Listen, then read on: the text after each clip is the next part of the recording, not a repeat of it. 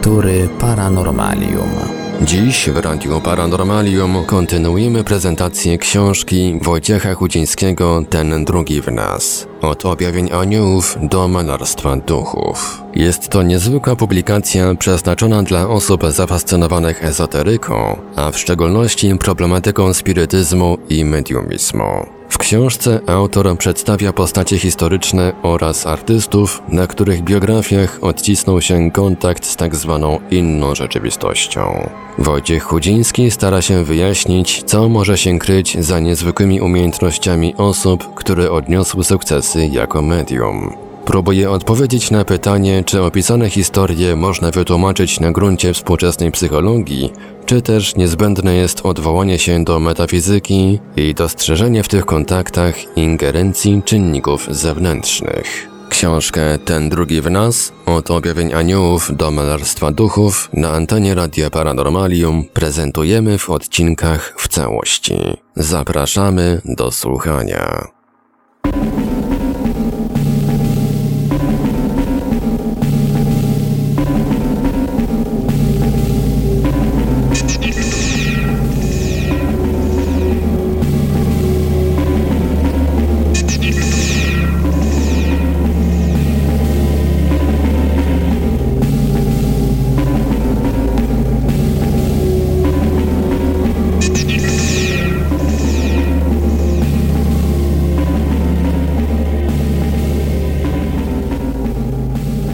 Wichrzyciele z lustra John Dee i Edward Kelly.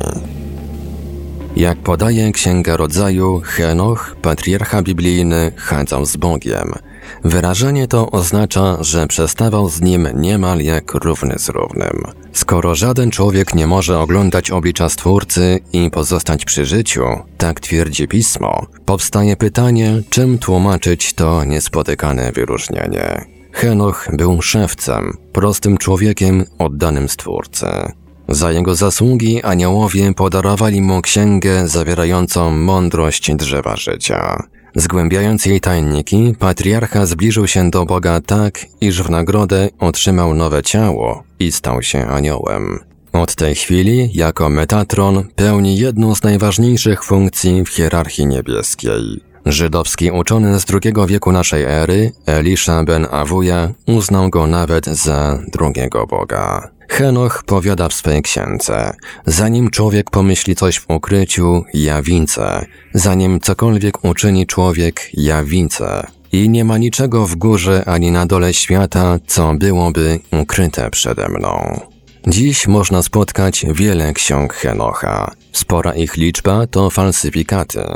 Zakłada się jednak, że istniała księga, złożona z tekstów powstałych około II wieku przed Chrystusem, prezentująca tzw. Tak nurt apokaliptyczny i że u zarania ery chrześcijańskiej cieszyła się wśród Izraelitów dużą poczytnością. W księdze Henocha, zwanej etiopską, tłumaczeniu opartym być może na oryginale, szewc patriarcha uniesiony do nieba podróżuje po innych światach. Jaką wiedzę przekazali mu aniołowie, że niemożliwe stało się dla niego oczywistym? A idąc dalej, w jakim języku porozumiewał się z aniołami Henoch? W hebrajskim, aramejskim, a może anielskim?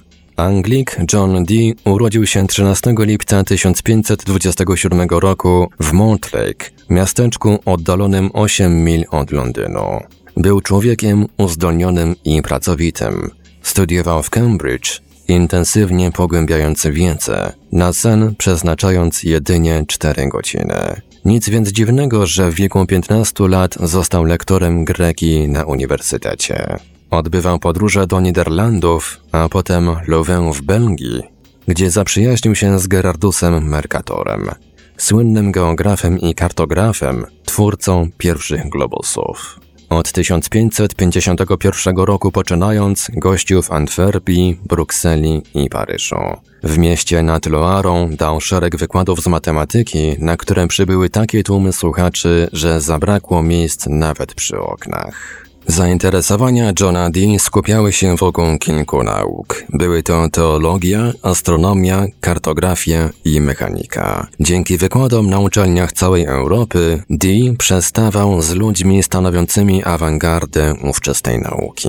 Interesował się również alchemią, astrologią oraz okultyzmem. I chociaż twierdzi się, że działalność ta miała służyć mu za kamuflaż, bowiem zajmował się szpiegostwem na rzecz korony brytyjskiej, jest mało prawdopodobne, aby chodziło tu wyłącznie o tak zwaną przykrywkę. Nie ulega natomiast wątpliwości, iż używając kryptonimu 007, SIG, w latach 1552-1555 znajdował się na usługach Sir Williama Cecila, twórcy elżbietańskiej siatki szpiegowskiej. Podobno Elżbieta nadała mu przydomek Eyes, w języku angielskim oczy, ponieważ była zafascynowana jego spojrzeniem.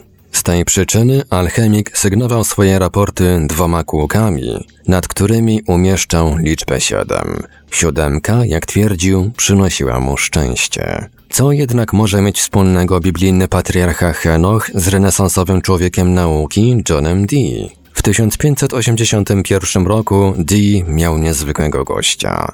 Była to, jak sam twierdził, istota nie z tego świata. Podczas seansu wróżebnego posłaniec ów zjawił się w czarnym lustrze, które Dee odnalazł wśród artefaktów przywiezionych przez żeglarzy z Meksyku.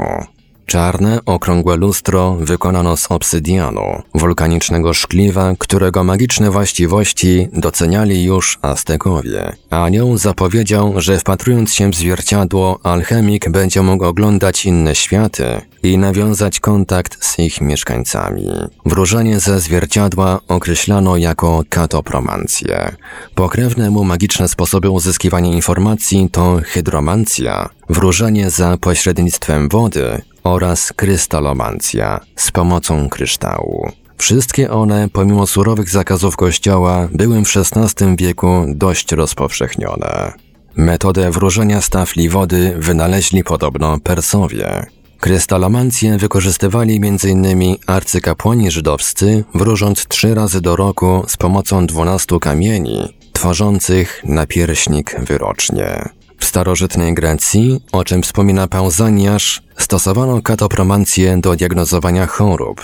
Zwierciadło, podobne do tego, jakim dysponował John Dee, należało do polskiego maga Twardowskiego, który przywiózł je sobie z Wittenbergi. Dziś trudno ustalić, czy magiczne lustro, dla ciekawych do wglądu w British Museum, rzeczywiście okrywała jakaś tajemnica. Faktem natomiast jest, iż na skutek wejścia w posiadanie owego przedmiotu, angielski alchemik bez reszty podporządkował mu swoje życie. Dodajmy, że zainteresowanie Anglika krystalomancją miało charakter praktyczny. Sam budował zwierciadła i wykonywał eksperymenty optyczne. O jednym z nich napisał nawet w przedmowie do pierwszego angielskiego przekładu Euklidesa, 1570 rok. Opis owego lustra wzbudził zainteresowanie samej królowej. Człowiek piekielnie przeraża się własnego cienia. Pisał Dee. Jeżeli ty, będąc sam w pobliżu pewnego zwierciadła, spróbujesz sztyletem lub mieczem dotknąć lustro, nagle odsuniesz się w tył, dlatego, że w powietrzu między tobą a lustrem ukazuje się zjawa z taką samą ręką, mieczem lub sztyletem i z tą samą szybkością zmierzającą wprost na twoje oko, tak jak ty wobec lustra. Zapewne to dziwne do słyszenia, ale rzeczywiście jest to jeszcze bardziej cudowne niż słowa me to mogą oznajmić. Koniec cytatu. Królowa podziwiała zwierciadło 16 marca 1576 roku, w dzień pogrzebu pierwszej żony Johna, kiedy to wraz z towarzyszącym jej dworem odwiedziła astrologa w Mortlake, by złożyć mu kondolencje. Podczas wróżenia w rolę medium wcielała się na ogół dziewica lub niewinny młodzieniec. Wpatrując się w zwierciadło, relacjonowali swe wizje. Uważano, że kryształ lustra stanowi soczewkę skupiającą odbicia wszelkich istot, rzeczy i zjawisk. Gdy więc medium zagląda w zwierciadło, kryształ jego umysłu i kryształ lustra stają się jednym. Dlatego tak ważny był stan ducha medium. Osoba o umyśle skażonym nieprawościami mogła w czarnej tafli zwierciadła napotkać istoty niebezpieczne, budzące uzasadniony lęk. Dee, który sam odnosił raczej mierne wyniki jako pośrednik pomiędzy tym a tamtym światem, podjął poszukiwania odpowiedniego asystenta. Ostatecznie zatrudnił Edwarda Talbota alias Killia, który zjawił się w jego domu na przedmieściach Londynu w 1582 roku. Decyzja ta miała zaowocować szeregiem problemów, które z pewnością ominęłyby angielskiego alchemika, gdyby los nie postawił na jego drodze tego właśnie człowieka. Kim był Killy? Okultystą, alchemikiem, nekromantą, a poza tym awanturnikiem i oszustem. O tym jednak Dee miał przekonać się wiele lat później. Być może, gdyby od razu zastanowiła go nigdy nie zdejmowana czapka Kilia, rodzaj skórzanej mycki z klapkami, wszystko potoczyłoby się inaczej. Pod nakryciem głowy oszust ukrywał bowiem znamie hańby, blizny na przyciętych przez kata uszach. Karata spotkała go za sfałszowanie dokumentów notarialnych, co z pewnością nie było największym wykroczeniem, jakie w życiu popełnił.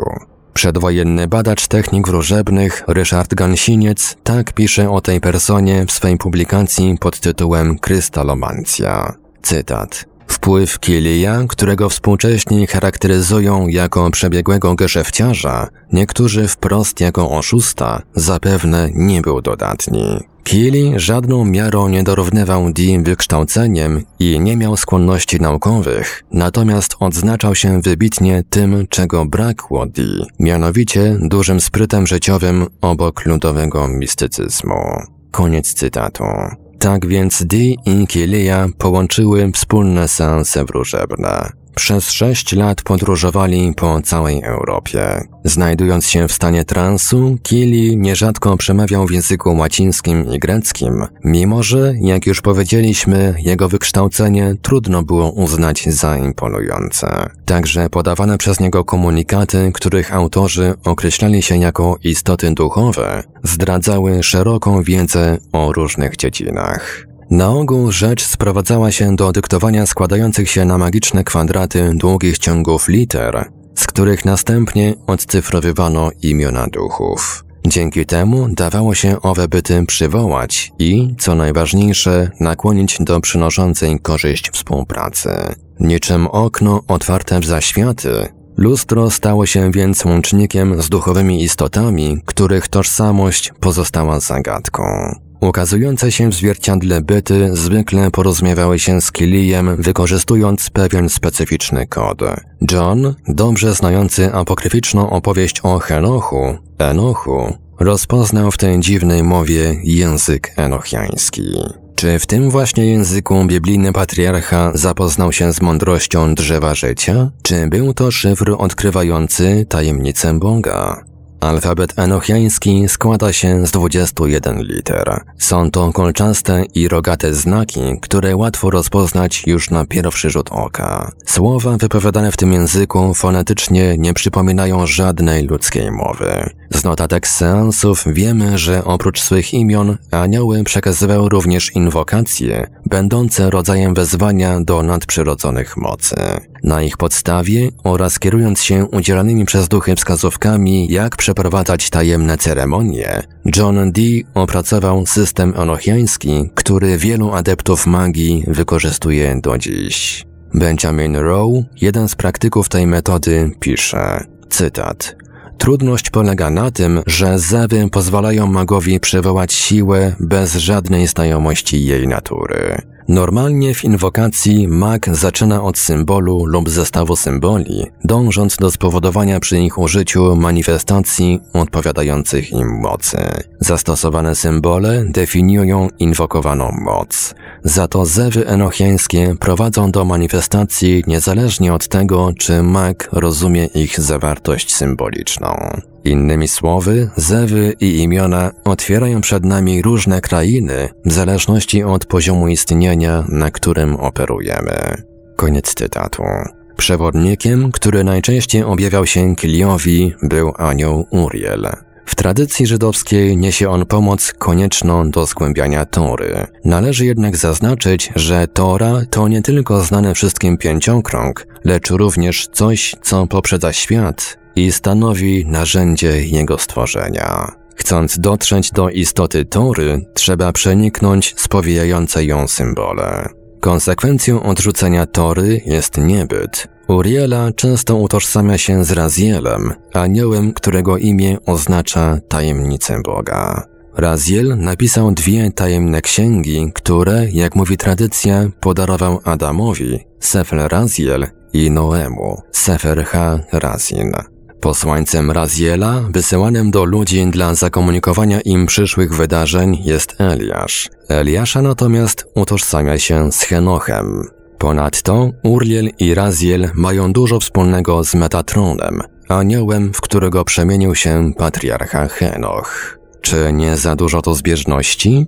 Czy może to być wyłącznie dziełem przypadku? System enochiański nie jest tworem pozornym. Charakteryzuje się alfabetem i zasadami gramatycznymi, niepodobnymi do żadnej istniejącej na Ziemi mowy. Gdyby założyć, że Dee wymyślił go sam, trzeba by dostrzec w nim geniusza.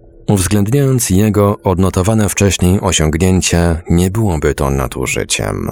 Lecz co z motywacją? Czy angielski alchemik podjąłby się tak trudnego zadania tylko po to, by wprowadzić w błąd możnych tego świata? Zanim opowiemy całą historię Johna Dee i Edwarda Killia oraz zastanowimy się, co naprawdę im się przydarzyło, musimy podkreślić jedno. Ludzie niekiedy przemawiają w sposób spontaniczny w obcych językach. Zwykle towarzyszy temu odmienny stan świadomości.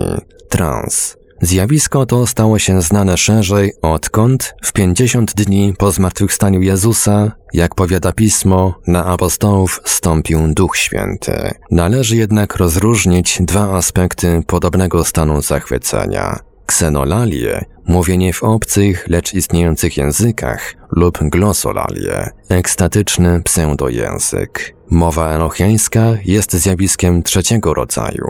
Istnieje, choć nikt jej nie zna. Lecz może należałoby dodać nikt na ziemi.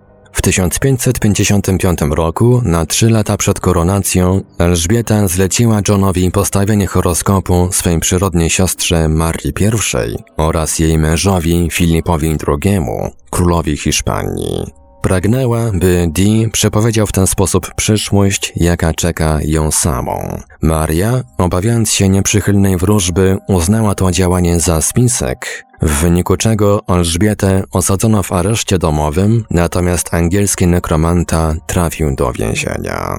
W XVI-wiecznej Europie zajmowanie się czytaniem z gwiazd nie należało do zajęć bezpiecznych. Z oczywistych względów astrolog był przypisany do danego układu władzy, którego zmiana mogła zaowocować represjami, a nawet wydaniem wyroku śmierci.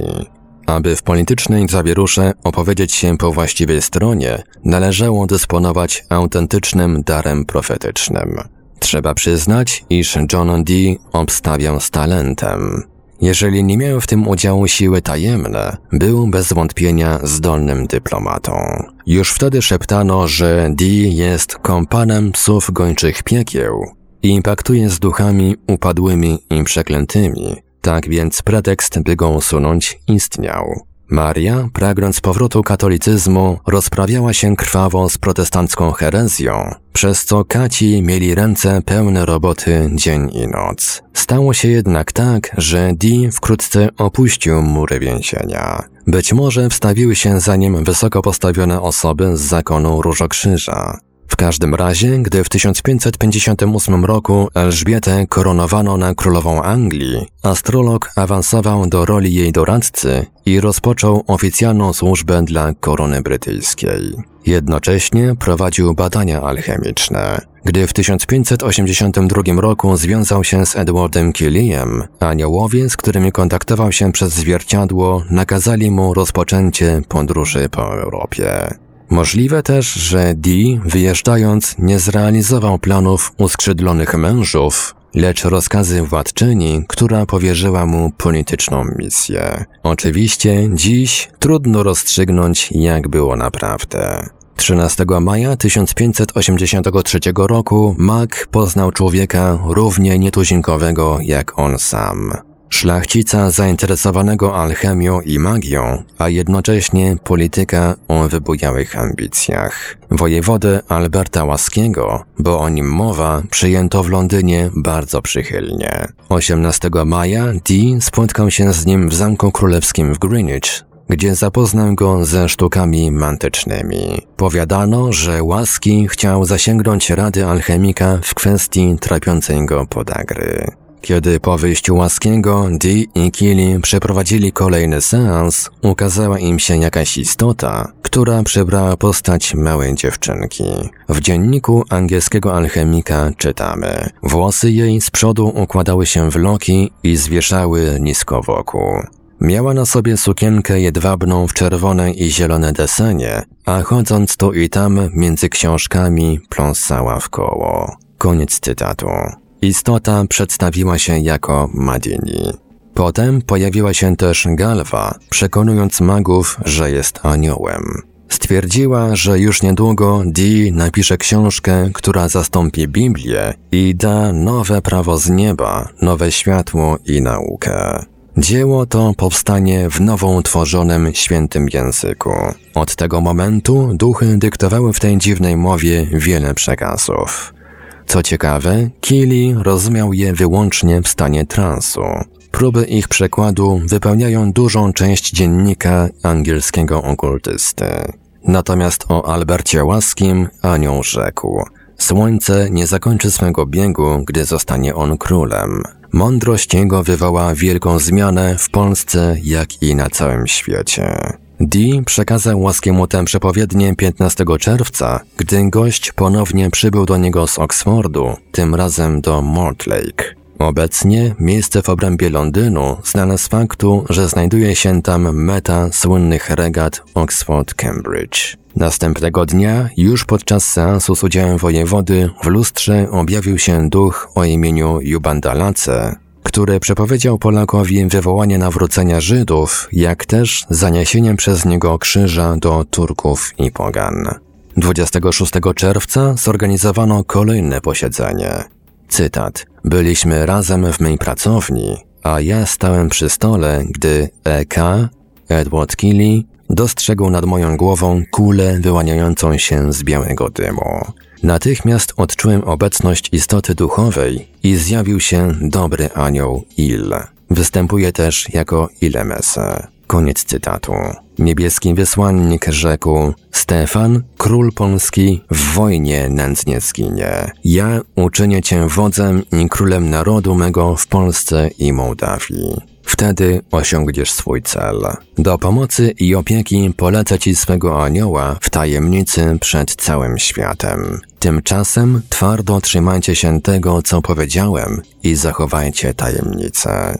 Podobno Łaski planował objęcie tronu Polski zajmowanego wówczas przez Stefana Batorego. Był to zaledwie fragment planów dotyczących radykalnych zmian politycznych, do których miało dojść w całej Europie. Czy wojewoda zdradził je Johnowi Dee? Czy astrolog zamierzał poprzeć jego starania? Odkąd wojewoda poznał proroctwo na swój temat, nie ustawał w namowach Di Inkilia, aby towarzyszyli mu w drodze do Polski.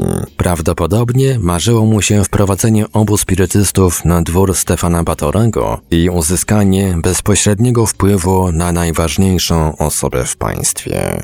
Nie powiadamiając o tym nikogo, nocą 21 września 1583 roku Łaski, Dy i Kili wsiedli na dwie łodzie rybackie parę mil od portu Gravesend i przy świetle księżyca wyruszyli w niebezpieczną podróż. Do dziś pozostaje tajemnicą, jak wojewoda przekonał Anglików, by opuścili ojczyznę, pozostawiając w niej majątek i przysługujące im przywileje. Dodajmy, że zarówno Dee, jak i Kili uciekli z Anglii razem ze swoimi żonami. Dee wziął za sobą również syna Artura. Ekspedycja trwała pięć dni. Przez Rotterdam, Bremę, Hamburg, Szczecin, Stargard i Poznań 3 lutego 1584 roku cała siódemka dotarła do zamku rodowego wojewody w Łasku. Przedwojenny badacz mediumizmu Karl Kiesewetter tak opisuje te wydarzenia w swoim studium zatytułowanym John Dee, ein Spiritist des 16. Jahrhunderts. John Dee, spirytysta XVI wieku. Zewnętrzne życie naszych magów w łasku kształtowało się bardzo posępnie, gdyż łaski został trochę przyciśnięty długami, a w gospodarstwie często brakowało niezbędnych rzeczy. Dlatego 9 marca udali się do Krakowa. Koniec cytatu.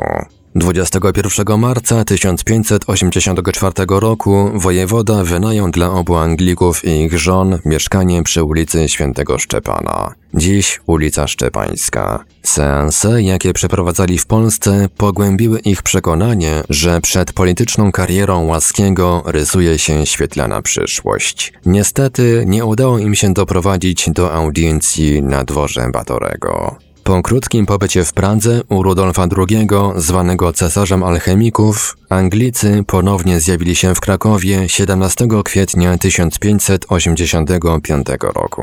W swojej przemowie Dee zapewnił, że przychodzi na bezpośredni rozkaz Boga, pisze Gisebeter, aby królowi objawić wolę Pana i mówił, że po kolei odczyta mu wszystkie tajemnice, ponieważ został oceniony jako godny ich poznania. Król odpowiedział mu bardzo łaskawie. 23 maja władca wezwał Di i Łaskiego na audiencję i pierwszemu uczynił zarzut, że wszystkie przepowiednie i boskie wyrocznie skończyły się wraz z Chrystusem. Jednak dorzucił, ponieważ nie wątpi, że Bóg także jeszcze teraz może objawić rzeczy ukryte, chce go wysłuchać. W długiej mowie Dee próbował rozwiać wątpliwości króla. Seans odbył się 29 maja w gabinecie królewskim. Udział brali król Stefan, Łaski, Kili. Ukazał się Uriel w długiej białej szacie z palującymi lokami i mówił przez Kilija częściowo w jambach po łacinie. Koniec cytatu. Anioł usiłował przekonać Stefana Batorego, by ten krwawo rozprawił się z Czechami. Kolejna wizyta Anglików w Krakowie miała miejsce w 1587 roku, zaledwie po kilku miesiącach panowania Zygmunta III Wazy. Król, ostrzeżony przez Watykan oskarżający Johna Dee o nekromancję, nie patrzył na Anglika przychylnym okiem. Wtedy też zaszło coś, co astrologa po raz pierwszy uprzedziło do eksperymentowania ze zwierciadłem i rozmów z bytami objawiającymi się w lustrze. Podczas jednego z seansów duchy zażądały, by Dee i Killy zamienili się na jedną noc żonami. Zarówno Jane Dee, jak i Joan Keely liczyły sobie po dwadzieścia kilka lat. Przekaz podawał, że po tej nocy Jane zajdzie w ciążę i urodzi dziecko, które będzie dysponowało nadprzyrodzonymi zdolnościami. Kto wie, czy autorem tego pikantnego pomysłu nie był Kill. Nie zapominajmy, że to on jako medium przekazywał polecenia od uskrzydlonych mężów. Do roszady doszło, jednak od tego momentu Dee nabrał podejrzeń zarówno do swego towarzysza, jak i anielskich rozmówców z lustra. Może zaczął zastanawiać się, czy nie nawiązał kontaktu z aniołami upadłymi. Komunikaty otrzymywane przez Johna Dee stały nie wyżej od tych, jakie przekazał nam w swoich dziełach Alan Kardec. Podkreśla w swej pracy Czarnoksięstwo i mediumizm profesor Ignacy Matuszewski. Jest to zwykła mieszanina napuszonych frazesów, błędnych informacji, wykrętnych i wymijających objaśnień, przerywana od czasu do czasu jakąś głębszą uwagą lub zdaniem. Swoją drogą Dee wierzył naukom duchów święcie, i wykonywał skrupulatnie wszystkie ich, nawet najniebezpieczniejsze i najgłupsze rozkazy. Koniec cytatu. Skupmy teraz uwagę na wydarzeniach, do których doszło, zanim nasi bohaterowie stanęli przed Zygmuntem III Wasą. Wcześniej postanowili odwiedzić Pragę, gdzie niepodzielne rządy sprawował cesarz Rudolf II, człowiek, o którym mówiło się, że jest szalony. Gdy Rudolf rozpoczął panowanie, miał zaledwie 24 lata.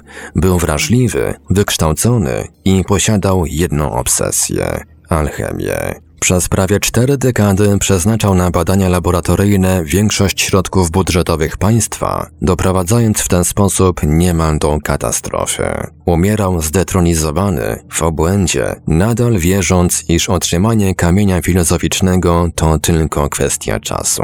Max Brod mówił o nim Bóg potrzebujący pomocy, można by dodać Bóg opętany. Rudolf wyrzekł się kościoła, a chronił herezjarchów. Nie interesowało go rządzenie, a podpisał dekret o nakazie zaopatrywania się w mandragorę u stóp szubienic. Cesarz Wielkiego Świętego Cesarstwa Rzymskiego Narodu Niemieckiego bardziej niż polityką był zainteresowany transmutacją ołowiu w złoto. Na obrazie Archimboldiego, swego nadwornego malarza, Rudolf II występuje jako Vertumnus, postać mistyczna, uważana przez Rzymian za boga przemiany. Jego praski dwór faktycznie można porównać do retorty, w której zachodził proces transmutacji. W XVI wieku promieniował on na całą Europę, stanowiąc centrum życia umysłowego i artystycznego. Cesarz, który zbierał wszelkie osobliwości, kolekcjonował też ludzi,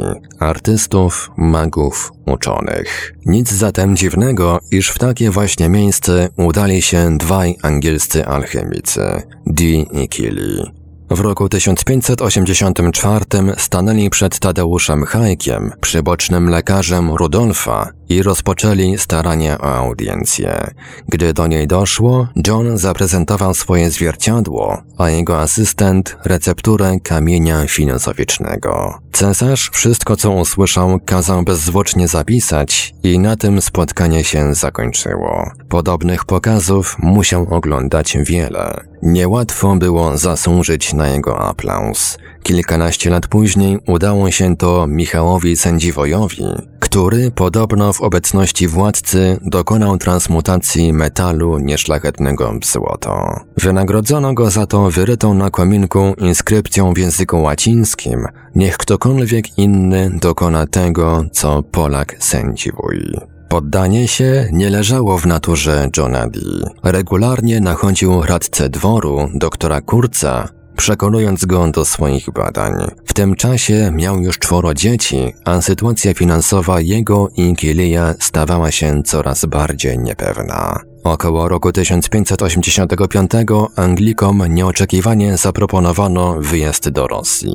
Syn Iwana Groźnego, Fiodor I, który właśnie został carem, Proponował im 2000 funtów szterlingów rocznej pensji, a minister Borys Gotunow z własnej kiesy dodawał 1000 rubli i znakomite warunki pracy. Dee jednak odmówił. Może Rosja nie leżała w zakresie zainteresowań szpiega, choć z drugiej strony, czy szpieg klepałby biedę? Rok później Dee i Kili opuszczają Pragę. Okazuje się, że czynią to dosłownie w ostatnim momencie. Nuncjusz stolicy apostolskiej żąda bowiem, by cesarz aresztował ich i pod eskortą odesłał do Rzymu. Kościół stawia Anglikom zarzut parania się czarną magią, a za to w renesansowej Europie idzie się na stos. Los rzuca alchemików do zamku księcia Wilhelma Rosenberga w księstwie Trzeboni. Według niektórych źródeł tam dokonują wreszcie udanej transmutacji. Recepturę tworzenia kamienia filozoficznego miał im podyktować duch o imieniu Zadekiel. Kili parokrotnie wyjeżdża do Pragi i sprzedaje przedmioty ze złota, jakie udało im się wyprodukować. W posiadanie takich artefaktów wchodzi też królowa Elżbieta, która podejmuje starania sprowadzenia magów do Anglii. Ostatecznie drogi Kilia i Dee rozchodzą się. W roku 1589 John wraca do ojczyzny. Jest człowiekiem zmęczonym i przegranym, a to jeszcze nie koniec czekających go kłopotów. Mimo iż nadal cieszy się protekcją królowej, coraz częściej stanowi cel ataków. W 1597 roku zabobonny tłum wdziera się do jego domu i niszczy bezcenny zbiór książek, około 4000 woluminów oraz instrumenty magiczne. Z dymem idą rękopisy i notatki, owoc wieloletnich badań. Na szczęście magiczne zwierciadło pozostaje nieuszkodzone. W latach 1595-1605 Dee jest dyrektorem Kolegium Jezusa Chrystusa w Manchesterze. Opuszcza go żona, która nie wybaczyła mu przystania na niemoralną propozycję aniołów. Ostatnie dni przeżywa w nędzy. Umiera w 1608 roku w wieku 81 lat. Jeszcze smutniejszy koniec spotyka Edwarda Killia. Najpierw zostaje uwięziony za uprawianie czarów. Wypuszczony w 1593 ponownie trafia za kratki w 1595 roku.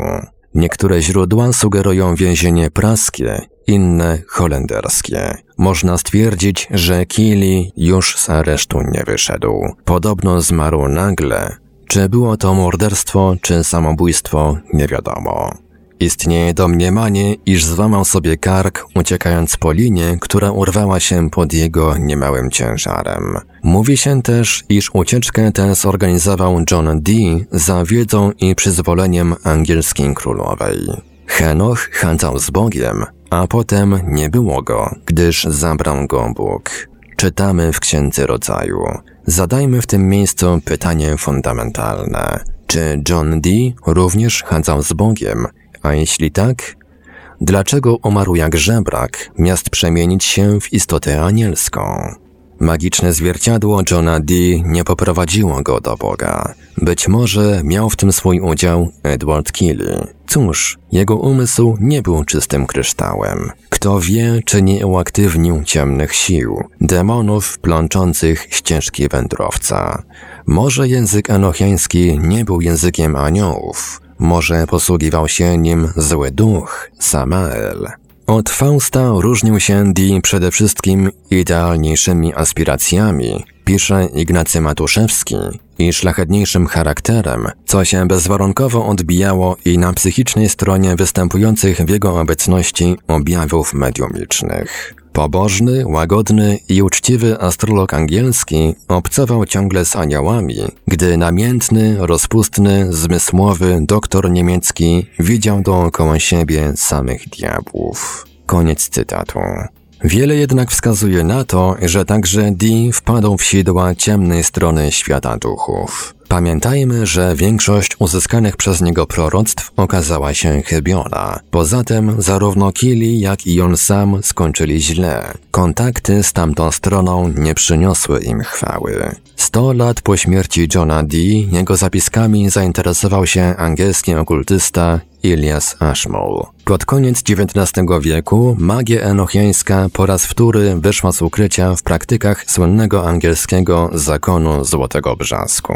Dziś praktykuje ją wielu adeptów, którzy, zafascynowani historią angielskiego maga, pragną nawiązać kontakt z bytami z zaświatów i pozyskać je dla realizacji własnych celów. Najwyraźniej nie zniechęca ich smutny los jednej z największych postaci renesansowej Anglii.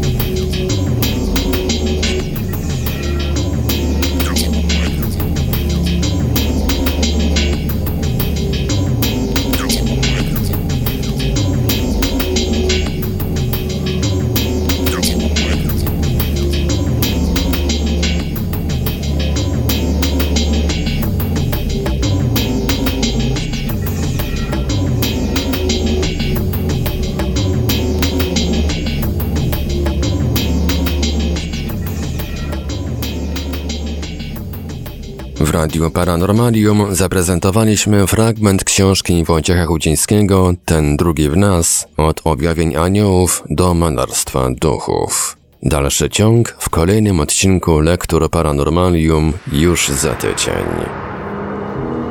Archiwalne odcinki Lektur Paranormalium znajdziesz do pobrania w archiwum naszego radia na stronie www.paranormalium.pl.